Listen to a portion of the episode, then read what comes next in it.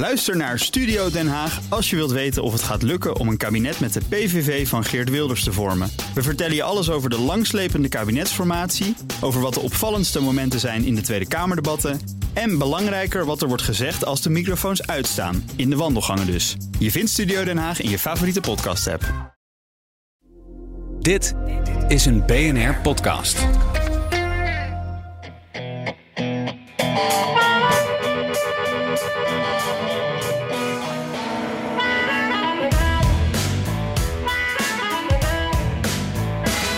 Geen van de 50 Amerikaanse staten schreeuwt zo van de daken wat lokale soevereiniteit en onafhankelijkheid betekent als New Hampshire. Het piepkleine staatje in het Noordoosten dat zich nu het centrum van de wereld waant. Het officiële motto in elk nummerbord geponst luidt Live free or die. Het gevecht om de gunst van de kiezer in de eerste echte primary na de caucus in Iowa zet Amerika stevast op zijn kop. Zeker nu, omdat uitdager Nikki Haley hier wel degelijk een kans heeft om koploper Trump een stevige electorale tik uit te delen. And as we head to New Hampshire, I have one more thing to say. We're gonna win!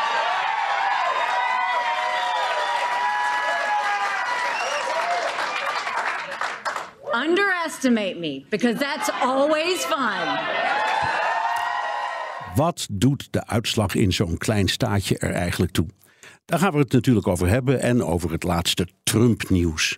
Ook van zijn tweede proces over de verkrachting van een schrijfster in een pashokje van een chique modezaak maak je weer een campagnespektakel.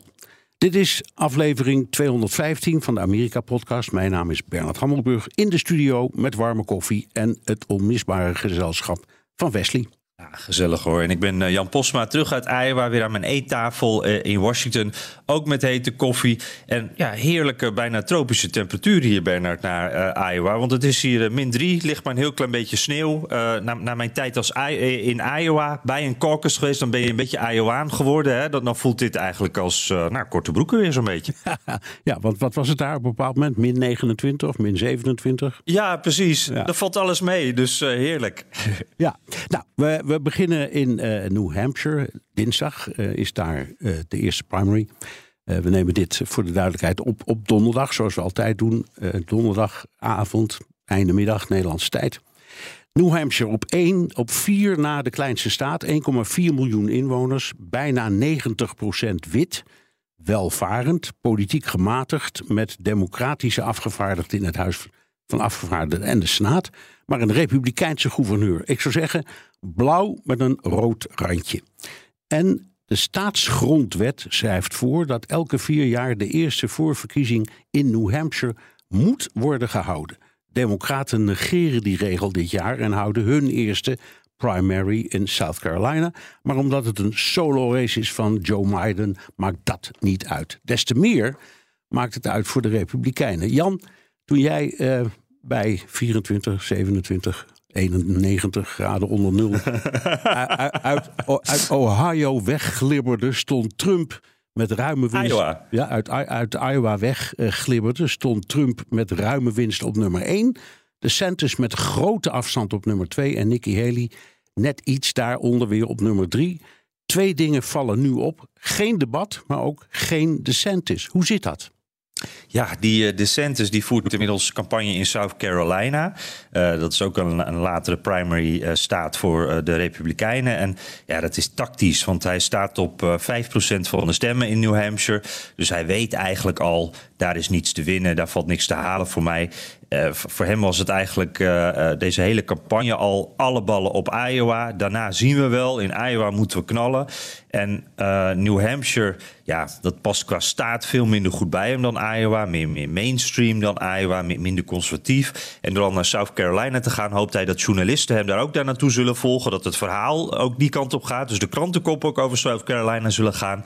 En als die uitslag er komt En hij dus inderdaad, uh, nou ja, misschien 5% van de stemmen in New Hampshire haalt. Dan kan hij zeggen: Ach, ik deed daar toch al niet zo heel serieus mee. Ik was al verder aan het kijken, dus het, is niet zo erg. En uh, ook wel mooi natuurlijk: South Carolina is de thuisstaat van Nikki Haley. En hij wil haar graag onder druk zetten daar. Um, even een heel klein zijpaadje. In South Carolina staat Trump op ruim 50%, Haley op 25% en DeSantis op 12%. Um, dus ja, ook, ook daar uh, staat Trump weer enorm voor. En, en DeSantis en Haley, ja, die zijn een beetje met elkaar uh, bezig daar. En uh, heel veel dichter bij Trump komen ze voorlopig niet. En, nou ja, goed, om het dan even af te maken, er was inderdaad sprake van een debat hier, of, of in New Hampshire in ieder geval. maar Trump, die wilde opnieuw niet meedoen. die heeft natuurlijk alle de, de debatten al geskipt. Dus dan zou het opnieuw een debat worden tussen Haley en DeSantis. En uh, deze keer zegt Haley, daar pas ik voor. I mean, I've debated five times already and had strong debates. Now it's time to get Trump on the stage. Ja, maar uh, Trump houdt dit uh, keer ook voet bij stuk. Die, die, komt ook niet opdagen. En ja, en dat is ook tactisch. Hè? Geef hem dan eens ongelijk als je zo denkt. Want hij ligt ruim op kop. Hij heeft eigenlijk alleen maar wat te verliezen, niets te winnen. En hoewel de afstand dan wel in de laatste peilingen een stuk kleiner is in New Hampshire. Volgens sommige pijlers is het minder dan 10 punten. Dus dan wordt het echt wel spannend. Dan kan er echt wat gebeuren. Uh, ja, wordt het denk ik toch vooral spannend om te zien, om te zien of in die laatste peilingen ook duidelijk gaan zien of, of Haley een zetje heeft gekregen van uh, nou, die uitslag in Iowa. Van het uh, opgeven van Chris Christie eerder al. Want ik zie dat allemaal nog niet zo gebeuren in die peilingen. Het is nog niet dat ze echt al, al helemaal op, op gelijke hoogte zit. Nee. Um, en Haley moet hier echt knallen natuurlijk. En, en echt in de buurt komen van Trump. En uh, nou, er zit, als je het gemiddelde van de peilingen neemt, nog steeds iets van 20 punten tussen. Dus dan, dan weet je wat de verhoudingen ja. zijn. Wat geeft Jan de primary van New Hampshire toch zo'n magische naam? Dat piepkleine staatje in het Noordoosten. Ja, het, het, is wel weer iets bijzonders hoor. Zoals Iowa natuurlijk ook helemaal zijn eigen gevoel en, en zijn eigen uh, identiteit heeft, zeg maar, in deze race. Uh, Iowa is dan de springplank. Daar word je gelanceerd als het goed is in je campagne. Uh, en en nou, dat is, hebben we het al eens over gehad, hè, dat dat best gek is. Want het, het is een caucus, dat is heel onvoorspelbaar en, en een leuk, maar misschien niet zo praktisch systeem. Het is christelijk conservatief. Dus het, het, het is echt een beetje een. Uh, ja, dit is niet je gemiddelde staat, zullen we maar zeggen. Niet heel representatief. Uh, en New Hampshire is dan de eerste echte primary. Dus gewoon echt met stembiljetten uh, naar een stembus. Uh, een echte verkiezing. Um, en, en wat het ook uniek maakt. Ja, ik, ik zeg het maar even. Ik, ik hoop niet dat die mensen uit New Hampshire meeluisteren. Maar het is een soort Maduro-Dam-versie van die verkiezingen. Want het is echt een hele kleine staat. Ja. Dus iedere burger uh, kandidaat, kan die kandidaten wel ergens echt zien of zelfs spreken. Uh, ik vond het zelf ook vier jaar geleden erg leuk om mee te maken. Toen waren de Republikeinen en Democraten die door die staat crosten. Het krioelde daar toen echt van de kandidaten. Overal ging het daarover. En wat het ook weer interessant maakt. Uh, je mag op een andere kandidaat stemmen. Hè? een andere dan waarvoor je bent geregistreerd. Dus als, als republikein kan je dan ook op een democraat en vice versa stemmen. En dat uh, uh, kan in Iowa ook een klein beetje, maar hier is dat echt makkelijker. En dat, dat is wel interessant. Ja, en is dat dan de reden waarom de peilingen he, uh, voor Haley toch een iets gunstiger afloop voorspellen? Om, om, omdat er om, nou, ik... een hoop overlopers kunnen zijn? Ja, ik heb wel het gevoel dat dat echt wel meespeelt. Want nou ja, het is dus best wel een. Het is vergeleken met Iowa en wat linkse staat. Uh, en, en dan heb je dus die kans dat dat, uh, dat, dat gebeurt. En Haley heeft daar zelf ook al wat op gezinspeeld. Die heeft dat al een paar keer gezegd. Dat, uh, nou, hè, ik accepteer alle hulp. En, en mocht je denken van, hé, hey, zal ik meestemmen? Ook al ben ik niet echt een republikein, doe het dan maar gewoon. Um, dus ik heb wel het gevoel dat dat inderdaad wel meespeelt. En dat geeft wel een extra soort dimensie er ook aan. We weten dat Haley echt wat meer ook naar de ja, wat gematigde kiezers wat aantrekkelijker is. En er zijn natuurlijk ook een hoop mensen uh, in die hoek die uh, niet zoveel zin hebben in Trump. En nou ja, misschien dat die dan wel naar Haley gaan. Maar goed, ja. die verschillen, dat blijft gewoon natuurlijk. Uh, de, de, dus het is nog absoluut niet zo dat dit nou meteen de, de doorslag gaat geven. Maar we zullen zien. Hey, jij, jij, kent die staat zelf ook heel goed. Hè? Jij bent daar veel geweest in New Hampshire. Uh, ge, ge, geef eens even een indruk van, van ja. hoe is het om daar te zijn? Ja, uh, uh, het, het, is vooral het, wat het meest opvalt is hoe ontzettend klein het is. Hè? Er zijn eigenlijk maar twee steden, Manchester en Nashua kun je zeggen. en alles speelt zich daar zo'n beetje af. Kleine steden. En zoals jij precies beschrijft, dat heb ik ook meegemaakt al die jaren. Eigenlijk vanaf de eerste keer dat ik daar kwam was in 1980. De race tussen uh, Carter en um, Reagan. Ehm, en ook toen krioelde het van de kandidaten, want uh, Carter had toen concurrentie hè, van Ted Kennedy in zijn eigen partij. Dus daar werd echt. Oh, ja, ja. ja, daar werd en bij de, bij de Republikeinen was het een hele trits. en dan zie je wel, ja, wat we vaak noemen retail politics. Hè, dus mensen echt van deur tot deur gaan en gewoon handjes schudden. Of mensen komen naar buiten. En, enfin, Um, en uh, wat, wat, wat ook erg prettig is, omdat het zo klein is, is het voor journalisten ontzettend makkelijker om, om het te werken. Want je gaat bij wijze van spreken op een hoek staan, zonder te bewegen, Jan. En, en alle kandidaten komen op een bepaald moment vanzelf wel voorbij. Dus, en er zijn overal persmomenten, ook op straat, of in, of in cafés, of in, in, in, in diners, waar het vaak dus dus dan komen ze bij, bij elkaar en daar houdt zo'n kandidaat weer een praatje. En dan kun je, als je, als je er tussendoor kunt wringen met je recordertje of je camera of je opschrijfboekje, dan kun je er gewoon bij zijn. Dus het, nou, en en de, ik, ik heb zelf een, een bijzondere herinnering aan, omdat dat was voor mij de leukste verkiezing die ik ooit heb meegemaakt, die van 92 omdat ik toen, ja, met de redactie waar ik toen voor werkte, een keuze wilde maken uit uh, de hele trits uh, democratische kandidaten die er waren. Dus uh, laten we zeggen, ik geloof dat het er toen tien of twaalf waren. En toen hebben we er maar eentje gekozen, zomaar blind. En dat was Bill Clinton. Daar, had, daar hadden nog niet zoveel mensen van gehoord. Maar die had op de conventie daarvoor, dus vier jaar eerder um, had hij de keynote speech gegeven. En dat is de belangrijkste toespraak. En vaak is dat een aanwijzing dat de partij in zo iemand gelooft. Uh, dus dat was voor mij en mijn collega's toen de reden om te zeggen: Nou, laten we die. We weten niets van die man, laten we maar eens gaan kijken. Dus ik ben met hem meegegaan eh, vanaf zijn allereerste uh, campagnetour in New Hampshire. Dat was al lang voor de primary zelf. En uh, dat was toen, uh, dat gezelschap was nog zo klein. Dat, ik was daar met een cameraman en er waren geloof ik nog twee andere journalisten. Uh, en dan Bill Clinton met zijn woordvoerder, één woordvoerder en misschien nog een assistent, dat weet ik niet meer. Wow. Maar, maar het was allemaal zo weinig dat we konden allemaal meerijden in het door de Clinton-campagne gehuurde busje. Dus we zaten gewoon met, met Bill Clinton ook kletsend in het busje naar, vanaf het vliegveld naar de, uh, nou ja, de, de, de, de tour die Locaties, de, de, tour die die ging maken. En is de hele sta, staat doorgetrokken. En ik ben toen echt over. En Bernard. Ja. Ja, nee, want wat je nou vertelt, fantastisch. Dus jij zit in zo'n klein busje met Bill Clinton, die toen nou wel bekend was, maar nog niet uh, de echte presidentiële allure had. Uh, ik, eh, wat jij net vertelt en wat je nu ook vertelt, dit, het wordt super toegankelijk. Dus je kunt echt heel dichtbij komen. Ja, en ik merk uh, ja. wel de laatste jaren dat dat echt minder wordt. Dat die kandidaten echt afgesloten worden van media. Ja. maar jij komt daar dan dus als buitenlands, buitenlandse journalist in dat busje zitten. Hoe reageert zo'n Bill Clinton dan? Hoe, was, hoe, hoe, kijkt hij dan naar de Bernard Hammelburg uit Nederland? Ja, ja dat, met, met enige belangstelling. En dat kwam door het volgende. De, hij, je weet, die die, die, ze houden dan steeds een toespraakje, maar dat is overal hetzelfde. Dus we hebben toen nog filmisch een truc uitgehaald door die uh, toespraak, ik geloof op tien verschillende locaties op te nemen. En dan was hij steeds anders gekleed. En toen hebben we uit elke toespraak één zinnetje geknipt. En die hele toespraak dan weer aan elkaar gemonteerd. Maar je zag in beeld, zag je hem tien keer een andere kleding. En dus wat was ook een beetje. Ook om aan te geven ja, wat het eigenlijk betekent in zo'n kleine omgeving en zo'n korte periode. Um, uh, en er was inderdaad toen nog heel benaderbaar. Nou, was dat het begin van de campagne. Dus ik zeg, dit was niet de primary zelf. Hè. Dat was pas later. En toen was het in, in, in, inmiddels een enorme massa. Maar ik had toen mijn, uh, ja, mijn haakje al gehad. Want wat er gebeurde op die bustoer, ik denk de tweede dag of de derde dag, dat weet ik niet meer precies. Uh, maar hij hield steeds in die toespraak uh, een pleidooi voor meer onderwijs in Amerika. Want hij zei: Wij zijn in de, in de Verenigde Staten het land met het minste aantal verplichte schooldagen in de wereld. Namelijk 180, met uitzondering van België. Daar hebben ze er nog minder. Dus ik heb toen na afloop s avonds in het hotel mijn collega's van de VRT gebeld. Uh, en gezegd: hoe, hoe zit het eigenlijk? Hoeveel schooldagen zijn er verplicht in uh, België? En toen zeiden ze: ik meen 185.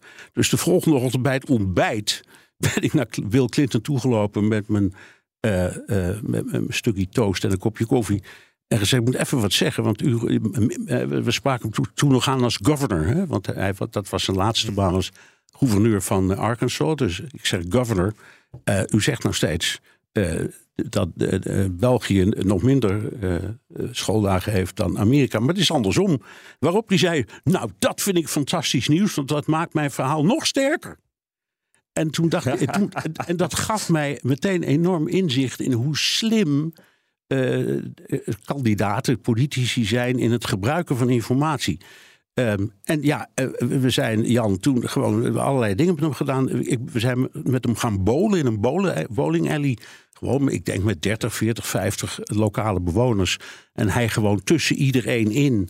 Ook met, uh, op zijn sokken met, uh, met de bowlingball. En uh, speelde niet slecht trouwens, moet ik zeggen. Uh, en wij ook. ja, en daar ook gewoon lange interviews opgenomen. Dat kon allemaal heel makkelijk. Nou, hij, hij was, dat, is, dat vond ik het leerzame. Hij was niet de, de favoriet in die staat. Dat was een senator uit Massachusetts, Paul Sangus. Uh, die is helaas uh, heel jong overleden. Maar die was een hele populaire man, een hele progressieve man. Uh, en ook eigenlijk, ja, Massachusetts, dat grenst aan New Hampshire. En dat is echt wel even iets anders dan Arkansas. Dus de kiezers voelden zich beter thuis bij Paul, Paul Songus dan bij die onbekende man uit het zuiden. Dus Songus won. Maar Clinton, en daar zat hem, zat hem vlak op de hielen. En die heeft toen ook uh, die bekende uitspraak gedaan. waarin hij uh, de, de uitdrukking de comeback kid verzon. From NBC News, Decision 92, the New Hampshire primary. On the Democratic side, Paul Songus, the former senator from next door Massachusetts, our projected winner tonight. Uh, less than half of the vote has been counted so far. And Bill Clinton, who had a wild ride of ups and downs in New Hampshire, will finish a respectable second. I think we know enough to say with some certainty that New Hampshire tonight has made Bill Clinton the comeback kid. I cannot wait to win the nomination.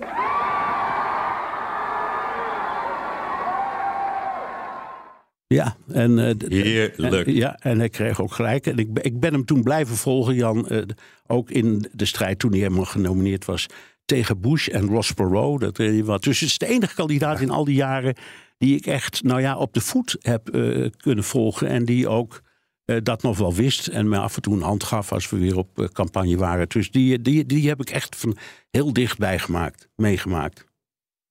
Leuk zeg. En, uh, ja, en ook, ik vind dat fragment echt fantastisch. De, de toon en, en, en alles. En, uh, maar even iets nog wat anders. Hè. Misschien toch even een heel klein beetje neerzetten. Want waarom was hij nou de comeback kid? Hij had echt wel tegenslagen gehad. Hè. Hij, hij begon daar in New Hampshire. En toen kwamen er verhalen naar buiten van een vrouw, Jennifer Flowers... waar hij een verhouding mee zou hebben gehad. Ja. Hij zou een draft dodger zijn geweest in de Vietnamoorlog. Dus die man die loopt daar rond in New Hampshire. En eigenlijk alle seinen staan op rood. Het ging vreselijk slecht. Niemand gaf hem meer enige kans.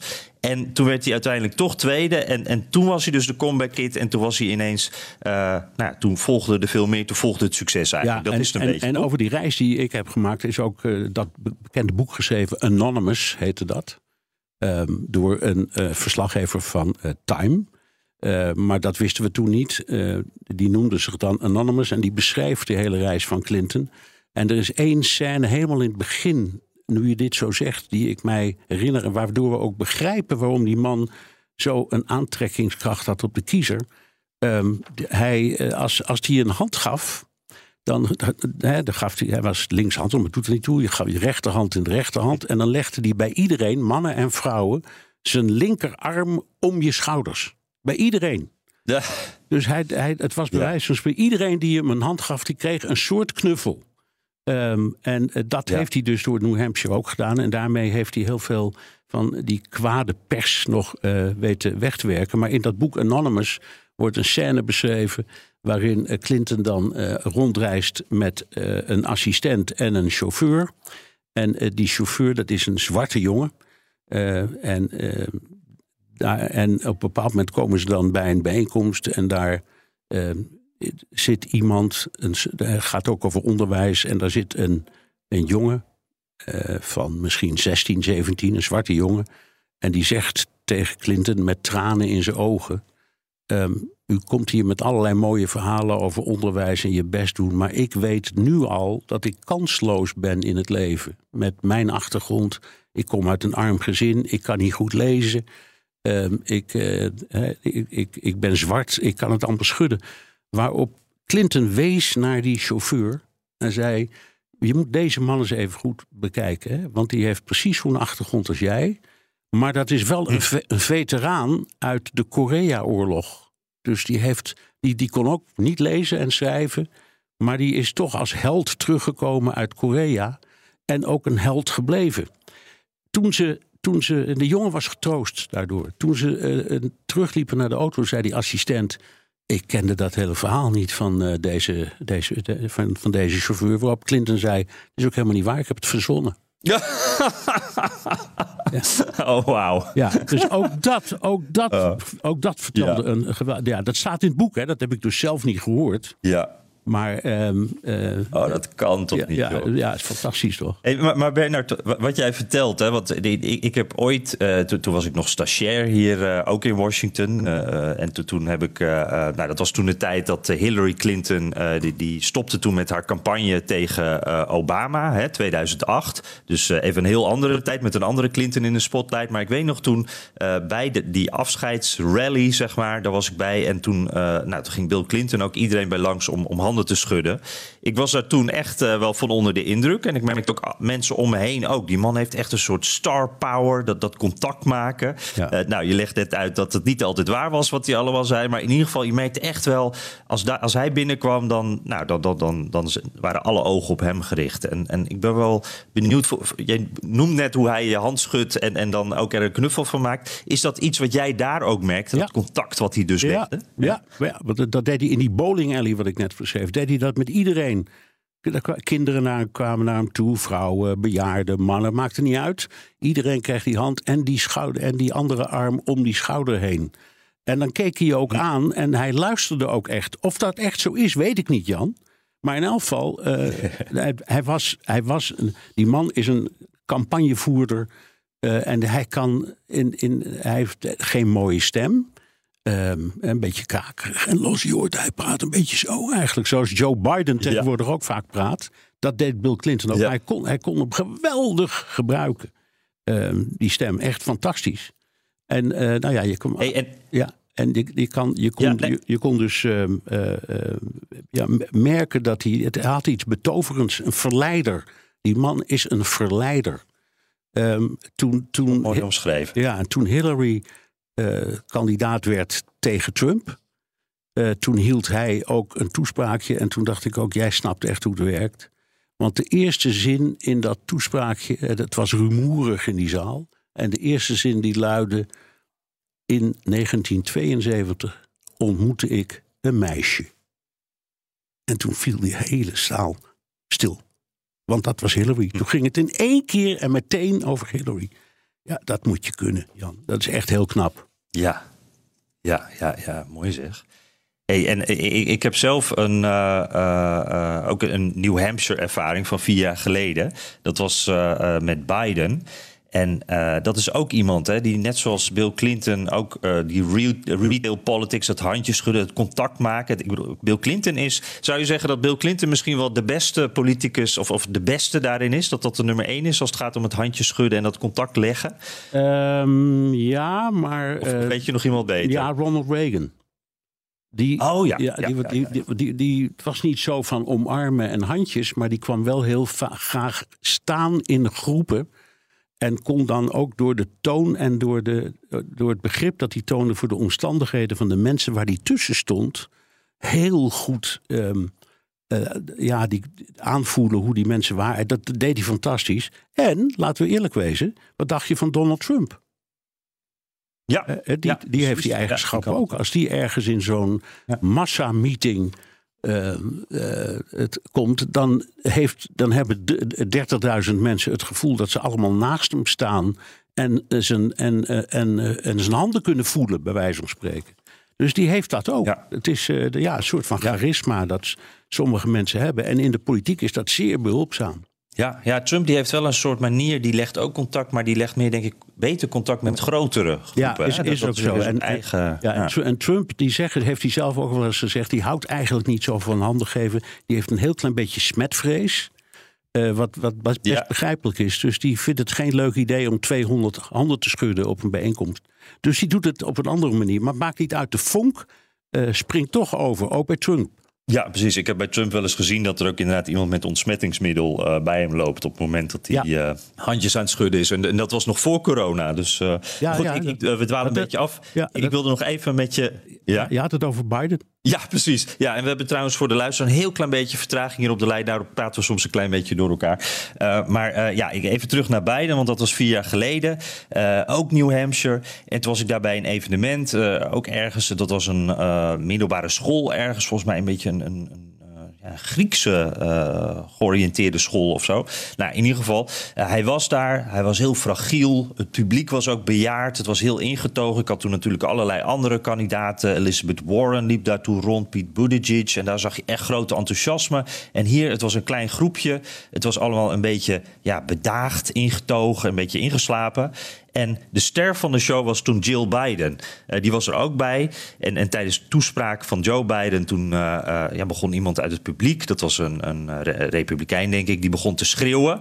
En, en iedereen, ook de beveiliging... zat echt wat te kijken van wat gebeurt hier. En Jill Biden liep toen op die man af. En toen kwam de beveiliging ook. En dat was echt zo'n moment dat je denkt van... zo, dat is een hele doortastende uh, vrouw. En um, na afloop...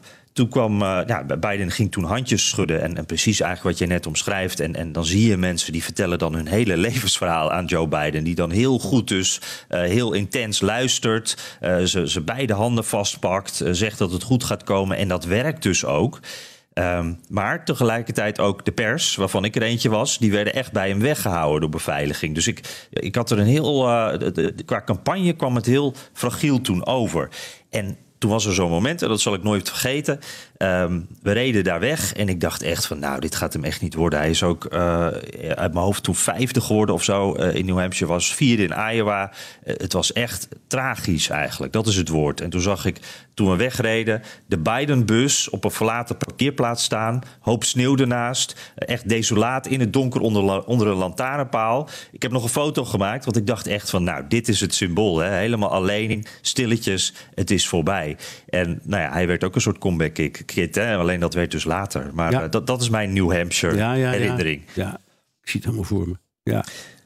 Hey, en, en uh, als we dan een beetje zo doorgaan uh, naar het nu. Hè, uh, we hebben het dan over retail politics in New Hampshire, wat zo super belangrijk is daar, dat handen schudden. ja, denk jij, heeft Nikki Haley dat ook een beetje in zich? Kan zij ook met die retail politics daar een beetje het verschil maken, denk je? Ik, zij is toch net wat anders, geloof ja, ik. Maar, dat, ja, dat is wat anders. Omdat, kijk, het grote, de grote kracht van, van Trump is, hij hoeft er niet eens te zijn. Hè. Dat heeft hij in, in, in hm. Iowa ook bewezen. Uh, hij kan net zo goed in Californië een toespraak houden. En dan wint hij nog in, in New Hampshire, bij wijze van spreken. Dat is, dat is wat hij kan. Nikki Haley is echt heel goed in uh, kleine gezelschappen. In een café of in een, in een sportzaal. Of, of uh, in, in, ergens in een kerkgebouw waar ze mensen toespreekt. En daar inderdaad heel benaderbaar is. En ook handjes geeft. En luistert naar de mensen. En ook persoonlijk probeert, dat kun je altijd aan te zien. Ze probeert iedereen die haar benadert persoonlijk nog even te overtuigen. En dat werkt misschien ook. Dus het antwoord is: zou zij, kan zij, heeft ze de kans om zo'n comeback back kid uh, effect te halen? Ik denk van wel. Ja, ik ben heel benieuwd. Ik heb wel het gevoel dat er ietsje meer afstand is tussen haar en de kiezer. Vergeleken met zo'n Bill Clinton en, en Joe Biden ook. Ja. Misschien die, dat echte, echte. Ja, ik ben benieuwd. Ja, ik ook. Nou ja, we gaan, Hey, ja. Ja, Aan, en, en, en dit, zelf... dinsdagnacht weten we het. Ja. Ja, precies, precies. Dan, dan zitten we weer voor, uh, uh, voor de buis. Uh, hey, ze, ze, is zelf super optimistisch. Hè? Het moet ook wel natuurlijk in haar positie. New Hampshire is de plek waar het moet gaan gebeuren. Um, laten we eens even kijken naar de koploper. Hè? Want hij, zijn naam is al een paar keer gevallen, Trump. Voor, voor de tweede keer um, nu in een proces tegen die schrijfster E. Jean Carroll. Um, het, was een hele uh, interessante, uh, interessant moment, vond ik. Dat hij uh, gelijk van zijn overwinningstoespraak in Iowa ging Trump in het vliegtuig. Uh, en de volgende ochtend was hij in New York, was hij uh, in uh, de rechtbank. dit geeft aan hoe, dat, hoe zijn schema eruit ziet op dit moment. en die, die E. Carroll, daar zou die in de jaren negentig... nou ja, zij zegt, hij heeft mij eigenlijk verkracht... in, in een deftig warenhuis in New York op Fifth Avenue. En nou, daar speelt nu weer die zaak, hè? Ja, je moet even uitleggen, want... Um, ze heeft tegen hem geprocedeerd. Hè. Denk erom, civiele procedure. Ze heeft geen aangifte ja. gedaan. Maar gewoon van persoon. Centjes. Centjes. Dus dat gaat dan om schadevergoeding en smartgeld. Zo, zo wordt het altijd uh, gedefinieerd. En uh, in, in die procedure werd, werd Trump al veroordeeld tot uh, een schadevergoeding van 5 miljoen dollar. en nou zegt ze, ja, maar daarna heb je me opnieuw aan de schandpaal ge genageld. Dus je moet nog maar eens een keertje bloeden. Leg, leg eens even uit, wat gebeurt daar nu precies? Ja, het, het, uh, het, ligt hier bij Trump zelf uiteindelijk, waarom we hier nog een keer in de rechtbank uh, zijn. Um, nadat die zaak uh, geweest is, is eigenlijk Trump op haar blijven schelden, kan je wel zeggen. En is hij blijven roepen van dit is nooit gebeurd, deze vrouw is gek, ik ken deze vrouw absoluut niet. En uh, daarbij kreeg de rechter natuurlijk ook steeds een veeg uit de pan. Hè? Zo kennen we Trump. Um, het was een uh, linkse Biden-kliekrechter. En uh, hij kreeg er ook berispingen voor. Stop daar nou mee. En hij bleef het toch doen. En dus heeft opnieuw die mevrouw Carroll een zaak aangespannen. Nu is de eis 10 miljoen dollar. En uh, ja, strikt genomen zou je kunnen zeggen: dit is dus een voortzetting van diezelfde zaak. Uh, waarbij de jury nu alleen beslist: van hé, hey, wacht eens eventjes, hij is doorgegaan. Of tenminste, is dat zo? Is, is, hij, is Trump gewoon doorgegaan? En uh, kunnen nu dus een extra hogere schadevergoeding krijgen. Dat ja. is het eigenlijk in de notendop. Ja, en, en nu verscheen hij zelf in de rechtszaal. hij zat zo gezegd neus aan neus met die vrouw. je kunt. Ja er zijn tekeningen gemaakt, dan kun je dat ook uh, heel goed zien. En hij eiste het woord. Um, terwijl hij hoefde daar helemaal niet te zijn. Maar goed, dat deed hij. Hij, was er, eiste het woord. En toen kwam hij weer met een hele litanie aan verdachtmakingen en ontkenningen. En dat leidde dan tot een aanvaring met de rechter. Ja, hij, hij, hij maakte ook steeds uh, opmerkingen tijdens de zitting. En, en die waren dan. Uh, ja, het is, ik, moet er ook wel om lachen hoor. Want het is een beetje een soort. Uh, uh, alsof je een beetje een, boos klein kind hebt. Dat, dat lijkt een beetje de, de, tactiek. Hij zei het steeds net hard genoeg dat iedereen het kon horen. Dus dan zit hij daar in het beklaagde bankje. En uh, naast zijn advocaat. En dan zegt hij tegen zijn advocaat: Het is een farce. Maar dan wel op zo, zo. Net zo hard dat de jury het bijvoorbeeld ook hoort. Het, het is een heksenjacht. Dat soort dingen. En de rechter zei toen op een bepaald moment: Ja, als u hiermee doorgaat. dan moet ik u eruit zetten. Dus stop hiermee. En uh, waarop Trump dus uh, blijkbaar heeft gezegd: I would love it. Dus uh, hè, dare me, doe het maar. Uh, en en nou ja, dat, dat, was dan ook weer gedoe uh, met Trumps advocaat, die met bewijsmateriaal kwam dat dat uh, niet was overlegd. dus daar was de rechter ook boos om. Het is echt, dit is een reality show, Bernard. Ja. Dit is zo'n tv-rechtbank. Ja. En dat is Trump in zijn element natuurlijk. Precies, en is, is Trump gewoon bezig met campagne voeren in de rechtszaal, zoals hij dat steeds doet? Want hij, tenslotte, hij hoeft helemaal niet te verschijnen. Hij had alleen zijn advocaat kunnen sturen, maar dat deed hij dan toch. Ja, precies. Ik denk echt inderdaad. Dit, dit is, eh, we zien al heel, uh, eigenlijk al, al, al, vanaf het begin dat die rechtszaken uh, zijn begonnen. Nou, nee, laat ik het eventjes anders zeggen. Nu, nu de campagne echt is begonnen, de politieke campagne, merk je dat die uh, campagne dat die, die doorzet bij de rechtbanken. En dat kan niet altijd in de rechtbank, want daar zijn natuurlijk andere regels. Daarom botst hij dan ook met de rechters. Maar dat probeert hij wel. En met veel bravoure uh, doet hij dat ook voor de rechtbank. En, en inderdaad, dit zijn campagnemomenten gekomen. Dus dan uh, staat hij ook uh, voor de rechtbank op de stoep. Houdt hij dan een toespraak of in de hal. Dan vertelt hij weer precies wat hij altijd vertelt. zijn echte stokpaardjes, dat, dat dit beide rechters zijn. Het is een heksenjacht, het is een politiek proces. Iedereen is tegen hem. en het is sowieso natuurlijk, elke aanklacht is onzin. Dat is iets wat ook altijd terugkomt. En ik moet ook zeggen puur op basis van Iowa, de mensen die ik daar sprak, de kiezers, daar werkt het gewoon ook echt. En ik heb het gevoel dat dat verder ook wel uh, bij heel veel mensen in ieder geval zo wel aankomt. Want het is ook weer een combinatie. Hè? Je ziet het dan dus ook weer terugkomen op Fox News. Het wordt verspreid via sociale media. Dus dat ene toespraakje dan op de stoep of op de trappen voor zo'n rechtbank, dat komt dan overal terug. En die boodschap van hem, ja, die blijft hij maar doordruppelen elke keer. Uh, tot we op het punt zijn, en, en dat punt dat hebben we eigenlijk al een tijdje geleden bereikt dat die Republikeinse kiezers, dat veel daarvan denken van, nou ja, hij heeft waarschijnlijk wel een punt. Dit klopt waarschijnlijk wel. Dus uh, ik, ik heb het idee, en hij is elke keer de slachtoffer ook. Hè? En, en dat is ook iets. Uh, hij is degene die tegen iedereen aan het vechten is. En iedereen is tegen hem en het is onterecht. En die boodschap die resoneert ook al vanaf het begin. En eigenlijk elke keer als hij bij zo'n rechtbank staat, uh, ja, wordt dat beeld weer versterkt. En denken veel van die kiezers, ze kunnen er ook een keer moe van worden natuurlijk. Maar op dit moment denken heel veel van die kiezers van, zie je wel, hij heeft gelijk.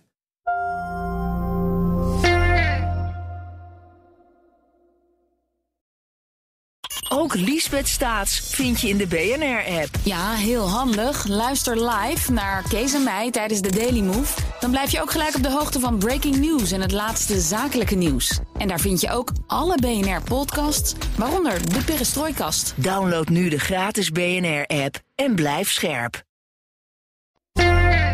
Oké, okay, Jan, zullen we naar de luisteraars vragen? Ja. ja. Die zijn welkom via de mail of via de Amerika Podcast WhatsApp. Daar kun je je vraag of opmerking ook inspreken. Het nummer is 0628135020. Ja, en Bernard, ik, ik begin even met heugelijk nieuws. Want ik zat uh, afgelopen week even op Spotify te kijken. Daar kan je zo'n uh, beoordeling achterlaten hè, voor de podcast. En dat is dan belangrijk, want uh, als veel mensen dat doen, dan worden wij weer makkelijker gevonden. En dan kunnen wij met deze podcast doorgaan. En ja, we waren al onze luisteraars een beetje aan het motiveren van jongens, doe dat alsjeblieft. Laat even vijf sterren achter, want we zitten bijna op duizend. En het is afgelopen week gebeurd. We zitten boven de duizend beoordelingen. Dus ja, heel blij mee. Dat wow. ons weer. Dus ja. dank luisteraars. Ja, ja. Ja. Dat, en ja, moet je nagaan zeggen, als Trump niet zo'n spektakel maakte, hadden we dat helemaal niet gehaald, joh. ja, precies. Bedankt Donald ja, Trump. dank, dank, dank. Mr. Trump, Mr. Ja, ja, President. Ja. Thank you. Ja, nee, uh, super. Dus uh, uh, jullie allemaal dank en blijf daar natuurlijk mee doorgaan. Want nou ja, ook richting de, de, verkiezingsstrijd, het wordt natuurlijk steeds meer, draait het om Amerika dan ook. en dan, dan komen wij graag als podcast verder bovendrijven en gaan we graag omhoog in de lijstjes. Goed, hey, de vragen. Laten we beginnen met een audiovraag van Ben van Uden. Ziet er nu uit dat Trump de presidentskandidaat voor de Republikeinen wordt? Is Nikki Haley nu bezig om te zorgen dat zij een running mate wordt? Of is zij nog echt in de volgende stelling dat zij kan winnen? Uh, mocht alles nog omdraaien en dat zij zou winnen, zou zij kunnen overwegen om ook Donald Trump als running mate te nemen? Of zal zij voor iemand anders kiezen? Of zal zij, als zij president wordt, misschien Donald Trump als minister van Justitie willen? Ja. ik wil die laatste vind ik heel mooi. Ontzettend leuke vraag, Ben. Laat ik dat ja, voorop stellen. Ja, echt goed. Nou ja, uh, ja. De, de, de, de, enige optie naar mijn idee voor Trump is dat hij wint. Uh, hij gaat van zijn leven lang, wordt hij natuurlijk geen minister of vicepresident. Dat wil hij helemaal niet. Um, en eerlijk gezegd denk ik ook niet dat Nikki Haley zin heeft om vicepresident te worden onder Trump. Want waarom zou ze? Dan kan ze beter gewoon vier jaar wachten en daarna weer een gooi doen. Hoe zie jij dat? Ja, dat, dat denk ik ook. En ik denk, uh, we hebben bij Nikki Haley gezien, zij is heel berekenend en, en opportunistisch ook. Dat is denk ik ook haar, haar zwakke plek. Um, want, want kiezers zien dat uh, ook wel zo af en toe er doorheen schijnen. Um, dus ik denk wel, zij is niet iemand die meteen uh, zegt vol passie van dat ga ik nooit doen. Maar ik denk wel dat zij uiteindelijk uh, uh, daarvoor terug zal deinzen. Want zij heeft al een paar jaar eigenlijk... Uh, onder Trump hè, was ze ambassadeur bij de VN. En toen heeft ze al een soort, hoe zeg je dat in Nederlands... een, een soort tightrope heeft zij bewandeld... om steeds net genoeg afstand van Trump te houden. maar ook weer een beetje met hem wel geassocieerd. Wel met de successen, maar niet met de vervelende kanten van Trump. Nou, dat heeft ze heel knap gedaan. Maar ik denk niet dat je dan vervolgens, als je dan de voorverkiezingen verliest... dat je dan als Nikki Haley denkt van, oh, dat ga ik nog eens even een keertje doen. En daar kom ik nog een keer politiek nee. ongeschonden uit. Ik denk inderdaad, dat doet ze niet. Mee eens. Hey, en, en, Trump zelf, die, die schijnt nu uh, Elise Stefanik uh, te noemen. Hè? Dat congreslid uit, uh, wat is het, New York volgens mij. Ja. Zo'n enorme die zo tekeer ging, aanhanger ook. Ja, die zo, die zo tekeer ging in het verhoor tegen de, de, de, de rectoren van eh, de, die belangrijke universiteiten over antisemitisme. Ja, precies. dus ja. waarbij, waarbij uiteindelijk eh, twee van de drie, de laatste, de, de, de, de, de president van eh, Harvard. Harvard was de laatste. Ja, mevrouw Gay. eh, on- ook is ontslagen. Net als. dus twee, en dat was zij. Zij was een soort van terrier in dat, in dat verhoor. Dus ja, ik Ja. Zie, die zie ik eerlijk gezegd inderdaad best als vicepresident bij Trump. Het is ongeveer dezelfde stijl, zelfde, zelfde overtuiging. Een vrouw, jong. Ja, best goed idee.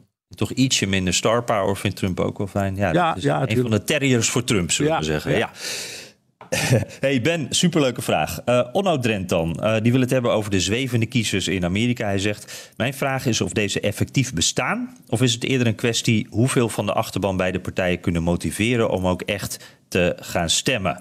Eh, omdat die polarisatie zo enorm is, eh, zegt hij. Eh, ja, wat denk jij Bernard? Ik denk dat ze wel echt bestaan. Om, je, daarom hebben we het ook altijd over swing states. Hè, die, die, die, die, die zeven of acht staten. Waar die, die, van de ene, die naar de ene of naar de andere kant kunnen buigen. Terwijl van de rest van de staten eigenlijk de uitslag al vast staat. En ja, dat zijn dus wijfelaars, twijfelaars, mensen die beïnvloedbaar zijn. En dat noem ik zwevende kiezers. Ehm, mensen die eh, nog niet echt een, een, eh, een besluit hebben genomen. Eh, en dus ik, ik, ik denk dat, dat het wat dat betreft tamelijk simpel is hoor. Ondanks die enorme polarisatie. Er zijn mensen die nog niet weten welke van de twee geloofsovertuigingen, de democratische of de republikeinse, ze moeten volgen. Ja, het, het worden er voor mijn gevoel wel steeds minder. Ehm, Ook van ja, zeg maar verkiezingen op verkiezingen en ook in het proces natuurlijk. Maar eh, het worden er steeds minder, omdat iedereen inderdaad al een kamp gekozen heeft, of bijna iedereen. Maar tegelijkertijd merkte ik ook, ook zelfs in Iowa dat er nog mensen waren, ook na een jaar lang van bombardementen aan spotjes en alles, dat er nog steeds mensen waren die zeiden van, oh ja, ik heb eigenlijk, eh, ik, ik ben hier nog helemaal niet mee bezig geweest. Eh, er zijn mensen die natuurlijk heel druk met hun werk zijn, met hun, hun dagelijks leven. Wij tunen al heel vroeg in, maar heel veel bewoners van die staten die komen pas op het laatste moment en denken van, wacht even, Ja. er was nog iets. Oh ja, eh voor verkiezingen. Ja, en eh, die hebben misschien ook wel gelijk. Want je kunt ook zeggen, we zien wel wie de nominaties winnen. Links eh, bij de Democraten en de Republikeinen. Nou, wij denken dat dat Trump en Biden wordt. Zo ziet het er nu naar uit. Maar die denken, nou, we zien wel. En tegen die tijd dan gaan die met elkaar in debat. Misschien. En dan gaan we eens rustig nadenken over waar we op gaan kiezen. Maar daar, daar heb ik nou nog helemaal geen zin in. Of geen tijd voor. Of, is toch allemaal niks. Dus die zijn er. En dat, ja, dat zijn zwevers. Ja, precies. Dus eh, nou, tot zover de zwevende kiezers. Hey, eh, Dick Wener die vraagt zich af... eh, waarom gaat het bij de verkiezingen in Amerika zo weinig over de inhoud... en zoveel over de persoon? Ja, omdat het, het systeem zo is opgebouwd. Als je kijkt naar het partijprogramma van de Democratische Partij, ik noem maar wat. Dan, ik zeg wat altijd, dat kan eh, op de achterkant van een sigarendoosje. Dus die hebben een paar Republikeinen hebben niet eens zo'n programma. Die Republikeinen- hebben gewoon ja. gezegd... eh, joh, wij volgen Trump. Ja, en dat heet een platform. Maar dat hebben ze, dat, dat is dus een partijprogramma. Dat hebben ze nauwelijks. En het is, het is dus juist zo dat Amerikanen zeggen. Ik kijk naar degene in wie ik het meest vertrouwen heb om dit land te leiden. En dan zie ik wel hoe die het doet. Ehm, terwijl wij omgekeerd denken en wij willen graag van. eh, je ziet dat nu in de formatie waar Plasterk mee bezig is. En, eh, er is dan weer een conflict ontstaan over eh, het migratieonderwerp tijdens die formatie. En dan willen we heel precies weten wat die vier partijen die onderhandelen nou ervan vinden en welke kansen ermee uit willen. En een Amerikaan zou zeggen: joh, nou toch op, wijs uit dat groepje een premier aan. En roep dan allemaal dat je met hem meedoet. En laat die, laat die premier gewoon zijn of haar gang gaan. En zien we wel. Dus het is, het is een andere opvatting over hoe het werkt. Het is inderdaad een persoonsgebonden eh, ding. En, en het is ook een beetje overgewaaid naar, ook naar Nederland, maar ook naar andere landen. Kijk maar naar de Franse verkiezingen. Die hebben ook een presidentieel systeem. Dus je ziet het wel meer. Ja, ja, precies. En het, en het is denk ik ook eh, makkelijker. Eh, het, is veel makkelijker om het te hebben over incidentjes, over relletjes, over, over menselijke trekjes dan over beleid, wat best wel ingewikkeld is, waar altijd wat meer uitleg bij nodig is. En ik vond, eh, ehm, ja, ik, moet daar nu eventjes dus aan denken, omdat we net over Clinton hadden. Hè? En jouw avonturen met Clinton in New Hampshire. En en toen was er volgens mij ook een eh, ja, een poging van de Clinton-campagne. Die zeiden van wij willen het eigenlijk hebben over wat hij kan betekenen voor de mensen in New Hampshire. Hè? Mensen die hun baan zijn kwijtgeraakt, mensen die het moeilijk hebben. Maar tegelijkertijd was die druk vanuit uh, de media en vanuit andere campagnes er ook om het dus juist over die incidentjes, over die, die, die uh, Jennifer Flowers te hebben, om het over de, de Vietnam te hebben en, en, en zijn ontwijking daarvan. En, en dat dat echt een, voor hun een enorme uitdaging was om het over de issues te hebben. En, en omdat het dan gelukt is met Clinton in New Hampshire, is het verhaal dan van, uh, nou zie je wel, je kan het wel over de inhoud hebben. Maar dat zie je eigenlijk bij al die campagnes. Hè. Het gaat heel vaak over uh, ruzietjes, dingetjes. En, en ze komen heel vaak aan, aan de inhoud eigenlijk niet toe. Ja. Dat klopt. Ja. Nou ja, vergeet ook niet dat we hebben het New Hampshire. De winnaar, dat, dat zei ik al, was Paul Songers. Uh, en dat, hmm. was, dat was juist een man enorm van de inhoud. Die wist heel veel van hoe een begroting eruit moest zien. En die voerde campagne bijvoorbeeld, dat vergeet ik ook, dat schiet me nou plots te binnen, met als slagzin: ja. Ik ben niet Sinterklaas. Dus ik kom. ja, dat was zijn, dat was zijn slagzin. Moet ineens dus, aan, aan, Hans Wiegel denken. Ja, ja, ja, ja, ja, precies. Ja. Nee, dus als je mij kiest, dan krijg je een hele eerlijke begroting. En ik ga mijn uiterste best doen om uh, de zwakkeren in de samenleving een handje te helpen. En ik ga ook proberen om de, de rijken niet al te hard te straffen. Maar uh, denk erom, er gaan geen wonderen gebeuren, want ik ben niet Sinterklaas. En daar ging hij die staat mee door. En daarmee heeft hij gewonnen, ook van Clinton. Dus ja, ja. Het, ga, het, gaat soms wel, wel. Het kan ook wel over de inhoud gaan hoor. Ja. Ja, ja, precies. Ja. Hey, uh, Xante Scheenjes die zegt, uh, net zoals de nationale verkiezingen kennen ook de voorverkiezingen uh, een systeem met kiesmannen. Ja, delegates zijn dat. Hè. Mijn vraag is hoe die delegates hier verdeeld worden over de staten. Want nou, hoe zijn die verhoudingen dan? kan je bijvoorbeeld zeggen dat er bij een swing state dat je die dan meer delegates geeft, zodat dat, omdat dat dan een belangrijke staat is. Hè. Heb je dan bij die voorverkiezingen, kan je zeggen dit is belangrijk voor de echte verkiezingen of gaat het gewoon op populatie? heb je daar enig uh, beeld van, Bert? Ja, het komt uit heel, Dublin. Ja, het is, het is doodgewoon. Het gaat naar de inwonertal. Zo simpel is het. Dus uh, Californië heeft 54 uh, gedelegeerden in de, naar de Republikeinse Conventie. En ik geloof New Hampshire drie of vier. En dat is het. ja. ja. Dus uh, ja, dat, dat, geeft ook wel weer goed ja, zo, sim, zo, simpel is het. Ja. En, uh, ja, ja, alleen die, die, die, drie of vier aan het begin, die kunnen dus be oh, in principe belangrijk zijn. Dan. Ja, ja, natuurlijk. natuurlijk. En, en, en het gaat eruit hoor, uiteindelijk om, uh, je moet er geloof ik iets van, wat is het? 1200 of 1400 hebben. Dat is de helft van het totaal. Uh, en als je daar bent, dan heb je de nominatie. En dat loopt op een bepaald moment snel op. Bijvoorbeeld als je we krijgen binnenkort Super Tuesday. In, in maart krijg je een hele zwik staten tegelijk. En daar gaat het om bijna 900 uh, gedelegeerden in totaal. Dus dat zijn, dat zijn, behoorlijke, zijn behoorlijke happen. En elke staat telt. En elke uh, gedelegeerde is er één. En dat vinden beide partijen trouwens hoor. Ja, ja, ja. ja. Nee, duidelijk. Hey, Frans Laan. Ik vraag me al geruime tijd af wat er gaat gebeuren in het kamp van Trump als Nikki Haley de voorverkiezingen wint. Zouden dan in zijn ogen de voorverkiezingen zijn gestolen en wie of wat gaan ze bestormen? Wie of wat gaan ze bestormen? Uh, maar dan, dit is denk ik niet grappig bedoeld, dat wordt oorlog. Ja, ja, ja. Ik, ik hoor hier ik, ja, maar ja, ook wel enige uh, onrust in. Ja, ja. Maar, ik, maar ik hoop dat het ook enige ironie is, Frans, want ik moet erom lachen. Ja. Ja, nou ja, ja, ik weet niet wat Trump doet. Hij zal het in afval bestrijden. Uh, maar ik denk dat hij is er gewoon. Hij heeft geen keuze. Hij zal ze erbij moeten neerleggen. Weet je, maar wie een probleem krijgt, is Joe Biden. Want hè, de, de, de hele theorie is: van Trump kan die wel winnen. Maar van Nikki Haley is het nog maar de vraag. Dus. Uh, mm -hmm. Nou, ja. ja. Stel je ik, toch... Weet je, ik moet er ineens aan denken. Hij had het uh, een paar weken geleden had Trump het, ging het over New Hampshire. en toen had hij het erover dat daar was naar Iowa. Nou, volgens mij in New Hampshire. Toen had hij het erover dat daar ook uh, fraude gepleegd werd. En dat het allemaal niet eerlijk ging. En uh, dat er daar echt iets verkeerd zat. En uh, ja, ik moet dan altijd, denk ik van ja, hij zegt het altijd. Hè, want in 2015, toen de voor, of, of ja, 2016 en meer, die voorverkiezingen, toen zei hij ook: het hele systeem is rigged against me. De, de, de gevestigde orde is tegen me. alles is fraude. Nou ja, dan wint hij uiteindelijk en dan hoor je me niet meer over.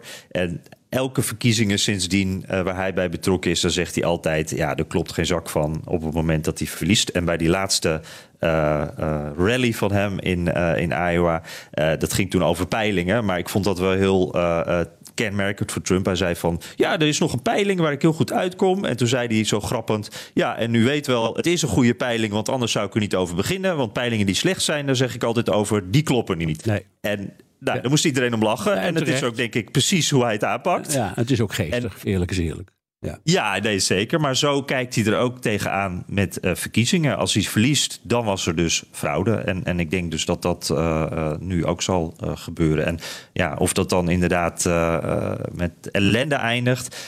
ik ben er niet gerust op, maar ik weet het op dit moment ook niet. Het is allemaal nog wat vroeg. Dus ja, ja, we houden de vinger aan de pols in ieder geval. Jan, met het oog op de tijd. Neem er nog eh, één, één of hooguit twee, want... eh, Ja, La- laten we in ieder geval Egon even meepakken. En jij mag eh, straks eh, BNR De Wereld natuurlijk. Eh, jij moet zo eh, van studio naar studio rennen. Ja. Ehm, dus we zullen inderdaad eh, het een beetje afronden. Ehm, Egon die zegt, elke aflevering boeien, dank daarvoor. Nou, Egon, super. Eh, je krijgt met verkiezingstijd het idee dat je een soort behind-the-scenes tour krijgt. Eh, en eh, dan wil je nog weten, jullie hadden het in Iowa over eh, de caucus captain.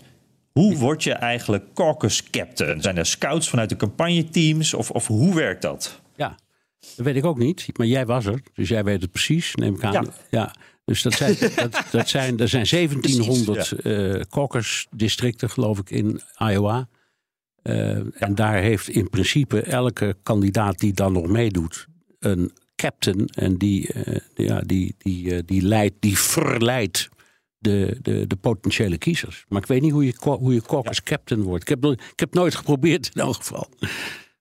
Nee, nou, je, je zou het eh, dit jaar moeten proberen. Want eh, ja, dat kan niet meer in Iowa natuurlijk. Maar daar kreeg je een heel mooi eh, wit Trump-petje... waarop groot stond caucus captain als je het voor Trump ging doen. Ja. En dus dan zag je heel duidelijk steeds... oh, diegene moet je hebben. En ik denk dat dat caucus-petje van, van Trump... die caucus captain-petjes, dat geeft ook wel aan... hoe goed die campagne dit jaar georganiseerd was. Want dat was tot in de puntjes. Trump had ook allerlei bijeenkomsten met caucus captains... waarin hij ze even motiveerde, waarin ze hulp kregen... mensen werden echt goed begeleid. En volgens mij is het zo, dat gebeurt steeds... eh, ja, dat, dat druppelt dan zo naar beneden van, van de, de, de staat... eh, de, de organisatie van de campagne in de staat... naar die, Ja. eh, al die gebiedjes. En, en daar wordt dan lokaal echt gekeken van... wacht eens eventjes, deze meneer is echt belangrijk in het dorp. Daar luisteren mensen naar. Die moeten we caucus maken. En als diegene dan ook wil. en, en dit zijn vaak mensen die dan ook al een Trump-vlag in de tuin hebben wapperen... en, en dat soort dingen. Dus het is echt, ja, er zit wel een soort scouting Nee, er, er zijn er, zijn er volgens mij nog iets van zes of zeven andere staten waar de Republikeinen een caucus houden en geen primary. Dus we gaan de volgende keer Ja. eh, dat dat weer gebeurt even. Nevada, geloof ik. Ja, Nevada onder andere. Ja, Of was nou Arizona? Ja, ik ben zo even kwijt. Een van die twee. Nou, we gaan volgende keer even extra goed opletten. eh, hoe dat nou precies, eh, wie dat nou precies zijn. Ja, ja, ja, precies. Nou, hey, eh, de laatste dan, dan ronden we af voor. Frank Kleef, die zei van, eh, de, eh, hij heeft een fragmentje gehoord op BNR. dus, eh, nou, het maakt niet uit wanneer, maar dat was een stukje blijkbaar uit mijn reportage in Iowa. die ook in de vorige podcast zat, zat. En daar is een Trump-kiezer die zegt van, ja, ik ga op Trump stemmen omdat hij de benzine goedkoper maakt. Mijn boodschappen moeten goedkoper. Een veilige grens met Mexico, dat is het belangrijkste. Nou, er werd toen iemand op de zender die reageerde daar toen op. Uh, en die zei van hieruit blijkt dat er met Trump-aanhangers geen rationeel gesprek mogelijk is.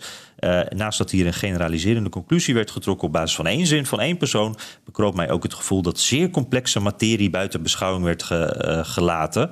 Uh, zonder onderbouwing werd deze stem als irrationeel afgedaan. Daarom ben ik benieuwd hoe jullie naar deze uitspraak van deze Trump-stemmer in Iowa kijken. Moet deze man met deze wensen bij Trump zijn? Of zouden Haley, DeSantis of anders Biden een betere stem voor hem zijn? Toe, het is eigenlijk een beetje een reactie dus op wat eerder uh, bij BNR is gezegd. Ik heb dat fragmentje, uh, die reactie toen van die gast niet gehoord. Ik weet niet of jij dat hebt gehoord, Bernard, heel toevallig. Ik heb het gehoord. Uh, ik meen dat oh, ik het kijk. ook op die manier heb gehoord. En het antwoord is, dat is een kenmerk van alle verkiezingen in alle landen.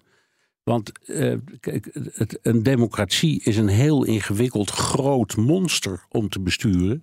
En tijdens een verkiezingsstrijd uh, reduceren kandidaten ook in een campagne dat tot kleine, behapbare en voor de kiezer begrijpelijke ja, alineaatjes, zinnetjes, uh, kernboodschapjes.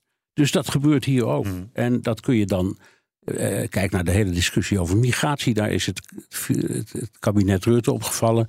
Daar zit nu uh, de, de, de missie van Plasterk weer door in de knoei. Omdat er ruzies ontstaan tussen ehm, Wilders en de VVD over deze kwestie.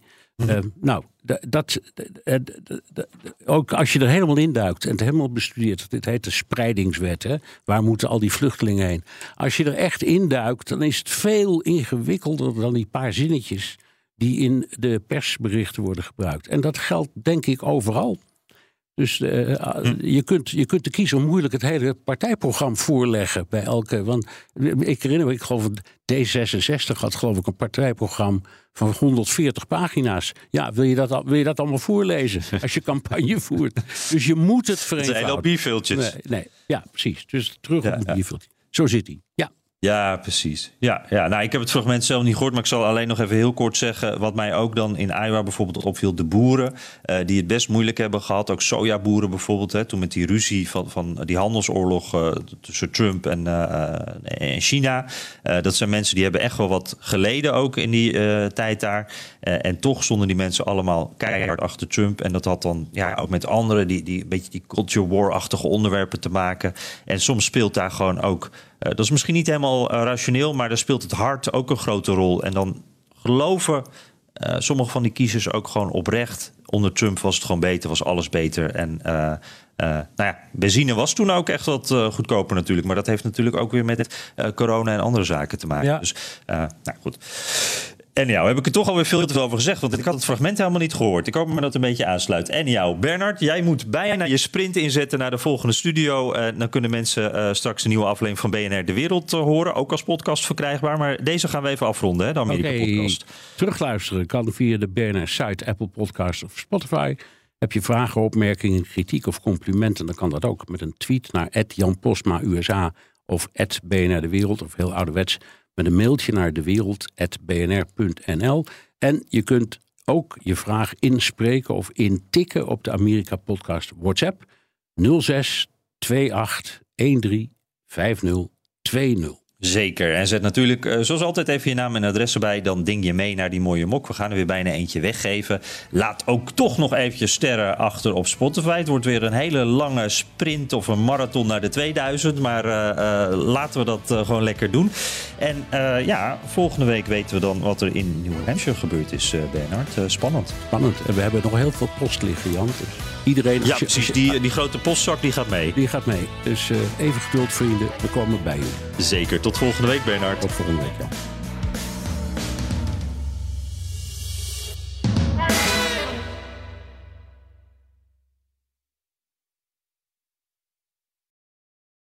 Ook Hugo Reitsma vind je in de BNR-app. Superhandig die BNR-app. Je kunt alle programma's live luisteren, breaking nieuwsmeldingen. Je blijft op de hoogte van het laatste zakelijke nieuws. En je vindt er alle BNR-podcasts, waaronder natuurlijk de belangrijkste, Boeken zijn in de wijk.